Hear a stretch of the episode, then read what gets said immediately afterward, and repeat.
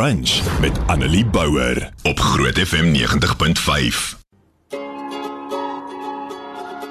So ons gaan weer 'n bietjie praat oor vreugde en blydskap en ons het al voorheen gepraat oor vreugde en blydskap. Ek weet ons het gepraat oor vreugde en blydskap wat van God afkom en dit is 'n vreugde wat alle verstand te bo gaan, wat selfs in slegte tye nie geblus kan word nie. Ons het gepraat oor Paulus wat in die tronk sit en skryf aan Tessalonika en vir hulle sê: "Wees bly." Want selfs uit sy omstandighede uit of in sy omstandighede in die tronk in die slegste tye ervaar hy God se vreugde en blydskap en sê hy vir die Christene in Tessalonika wees bly. Wees altyd bly. Hê daai vreugde. Wys dit vir ander mense. Maar nou die dag staan ek in 'n gesprek en dit gebeur meer as gereeld met mense en almal praat oor hoe sleg dit gaan van hulle het regtig soos baie baie ernstige probleme wat hulle oor praat. Goeie soos COVID, die misdaad in ons land, geldprobleme, werksprobleme, gesinsprobleme wat regtig groot probleme is, wat regtig iets is wat ek kan verstaan 'n mens partykeer kan onderkry en jou kan daai vreugde van God af laat vergeet van. Wat jou kan laat vergeet dat jy nooit alleen is nie. Maar daar's ook die mense wat ek partykeer dink net praat om saam te praat of dalk gaan dit regtig nie met hulle so sleg nie. So die klein dinge is dit wat hulle onderkry die klein goedjies in die lewe soos die feit dat hulle nie 'n koppie koffie gehad het die oggend nie of ag klein goedjies ek kan nie eers nou dink aan voorbeelde wat hulle genoem het nie maar rare goeders wat ek half gevoel het is belaglik verkeer byvoorbeeld. En ek moet eerlik wees ek steek my hand eers op. Wanneer dit by verkeer kom ek is nie geduldig nie. Dit het 'n manier om my dag te spoil en my net in 'n verkeerde by te sit. As ek in die verkeer moet vassit en voel ek gaan laat wees ek verstaan daai gevoel. Ek uh, is nie besig om myself bo dit te sit nie Ek spreek eintlik myself ook aan. Want jy sien daai klein dingetjies wat ons toelaat om ons vreugde te steel. Daai klein dingetjies en ander mense wat ons toelaat om 'n invloed te hê op die res van ons dag is 'n probleem. En ek eh, lees nou die dag 'n preek van Ivor Swarts en dit as jy nog nie gehoor het, um, een van sy preke gehoor het nie, gaan kyk op E Kerk, baie van dit is ook daar. Ek het ongelooflike respek vir die man. En hy praat nou oor dieselfde ding waar hy sê dat die klein dinge in die lewe wat ons toelaat om ons vreugde te steel is iets waarna ons moet begin kyk.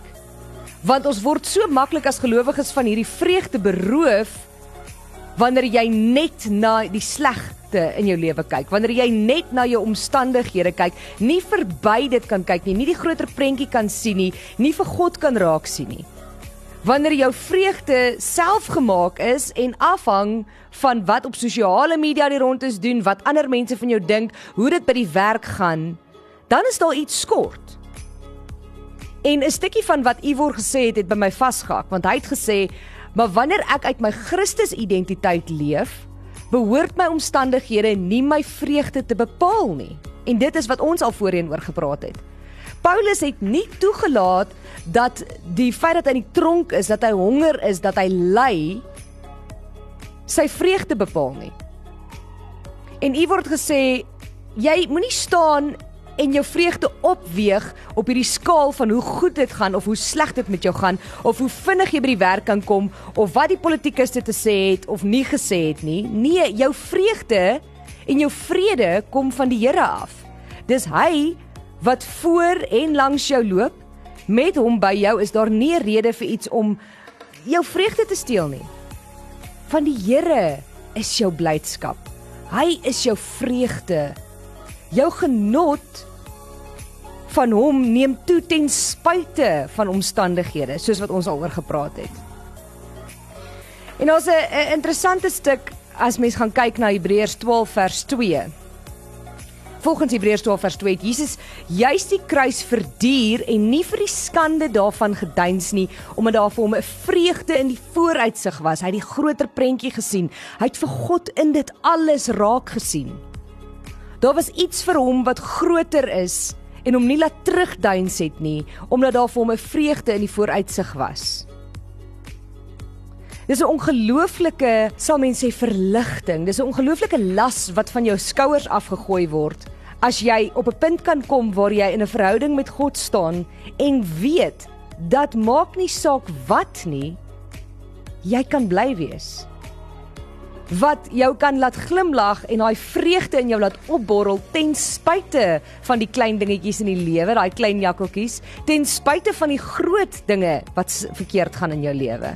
Ten spyte van wat in ons land en in ons wêreld om ons gebeur, het jy steeds daai blydskap. Hoekom? Want jy sien vir God in jou omstandighede raak.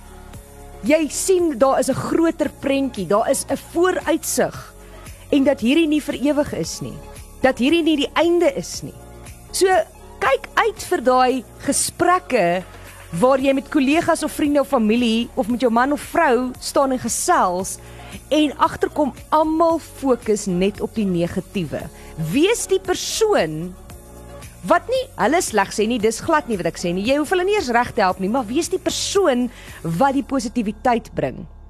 Wees die persoon wat uit jou omstandighede uit die vooruitsigte kan raak sien en te weet dat hierdie lewe is nie die enigste lewe nie. En selfs in hierdie lewe nou is ons nie alleen nie. Want die kruis is klaar oorwin en jy behoort aan 'n almagtige God. Wees daai persoon wat daai vreugde en daai blydskap aan ander mense wys en bring.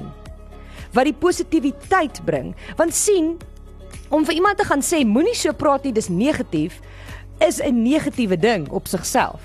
Maar om die persoon te probeer wees wat ander mense laat lag, wat die positiewe raak sien wat sê ja, ek hoor wat jy sê, dis regtig sleg. Maar het jy hierdie gesien en 'n mooi storie te deel is juis om God se vreugde en blydskap aan die wêreld te bring. En dit is juis in tye soos daai wat mense na jou gaan kyk en sê, Hoe kry jy dit reg? Waar kom jou vreugde vandaan? En dan kan jy Nehemia 8 vers 10 aanhaal. Wat in Engels sê, "The joy of the Lord is my strength." So mag jy elke dag God se vreugde en blydskap beleef. Mag jy selfs die kere wat jy val en daai negativiteit jou laat onderkry, weer opstaan en sê, "Ek is bly in die Here my God." En daar's 'n groter prentjie en ek is nie alleen nie. Annelie Bouwer, weekoggend tussen 9 en 12 op Groot FM 90.5.